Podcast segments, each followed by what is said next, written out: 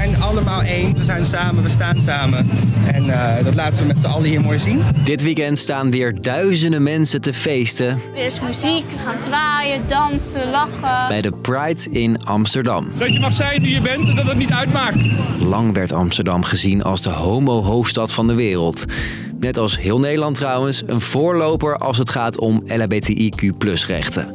Maar hoe zit dat nu? Er is een, een, een- de, de drag queen bar eh, in Groningen aangevallen. Er waren de spreekkoren bij de wedstrijd Spakenburg eh, BSV. Het is een soort van homo in elkaar slaan weekend geworden. Ik ben Steef en ik leg je uit hoe het ging en gaat met de regenboogrechten in Nederland. Lang verhaal kort. Een podcast van NOS op 3 en 3FM. Why are you here? Because I'm gay, duh. Proud to be here. Yeah, absolutely. Dat het nu zo klinkt in Amsterdam is voor jou en mij misschien normaal. Maar als we een beetje terugspoelen, dan zie je het was wel eens anders. Heel anders. In deze korte podcast kan ik je natuurlijk niet een hele geschiedenisles geven. Maar bedenk je, homoseksualiteit werd tot begin 20e eeuw als besmettelijke ziekte gezien. En viel je in de Tweede Wereldoorlog op hetzelfde geslacht, dan kon je een roze driehoek op je borst krijgen en in een concentratiekamp belanden. Na de oorlog begon een nieuw tijdperk. Het COC werd opgericht, een organisatie die strijdt voor meer rechten en acceptatie voor homo's. De eerste gayclub van Europa opende in Amsterdam, waardoor de stad de titel Gay Capital of the World kreeg.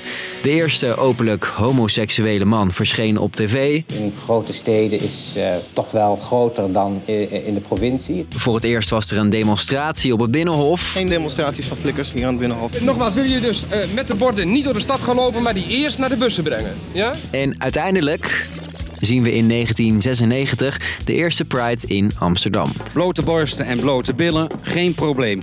Vijf jaar later, in 2001, trouwen de eerste mensen van hetzelfde geslacht.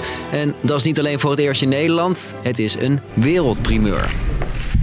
Dan verklaar ik als ambtenaar van de burgerlijke stand van Amsterdam dat u door het huwelijk aan elkander bent gebonden.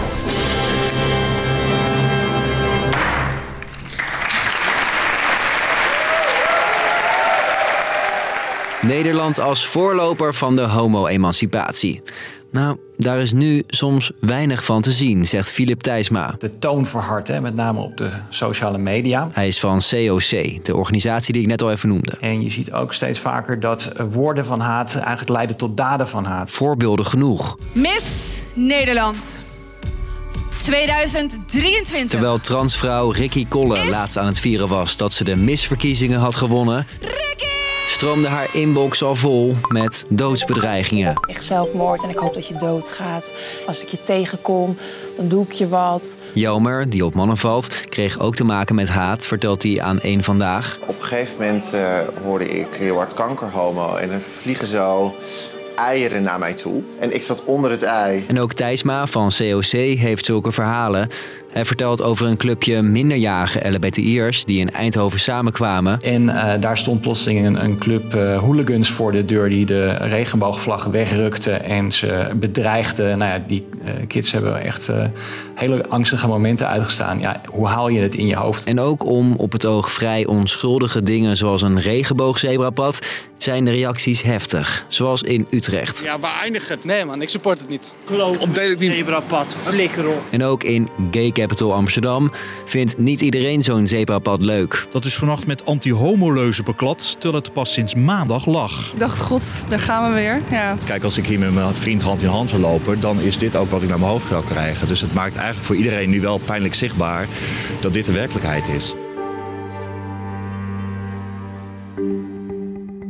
En die harde werkelijkheid zie je ook terug op de Rainbow Europe Index. Een ranglijst van Europese landen als het gaat om LHBTI-rechten. In 2001 liepen we nog voorop in de wereld toen eh, eh, we als eerste het huwelijk openstelden voor paren van gelijk geslacht. Ja, en nu bungelen we op de 14e plek. Het kantelpunt lag bij de invoering van het homohuwelijk, denkt Filip. Toen hebben sommige mensen misschien gedacht, nou we zijn er wel zo'n beetje. Terwijl andere landen juist doorgingen met het verbeteren van gelijke rechten. Bijvoorbeeld voor trans mensen. Landen als eh, nou, bijvoorbeeld Malta eh, of België of Spanje. lei trans Es ley. Die hebben bijvoorbeeld een wet waardoor je zwaarder bestraft wordt als er sprake is van discriminerend geweld. Betekent niet dat de regenbooggemeenschap het slecht heeft in Nederland. Want we kunnen met elkaar trouwen, eh, we kunnen kinderen adopteren, we zijn beschermd tegen discriminatie volgens de wet. Maar er is nog genoeg ruimte voor groei. Iedereen in Nederland en zeker aan de politiek. Dus, lang verhaal kort. Lang god Nederland als koploper als het gaat om LBTI-emancipatie. Maar nu zitten we niet eens in de top 10 van Europa.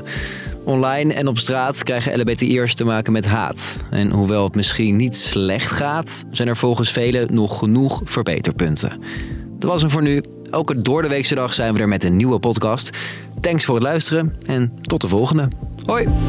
3FM. Podcast. Dat mensen een piep of een ruis horen. Gehoorschade door het luisteren naar harde muziek. Hoe is het als je nooit meer afkomt van die piep in je hoofd? Had ik maar even een knopje of zo dat ik dat uit kon zetten en het niet hoorde.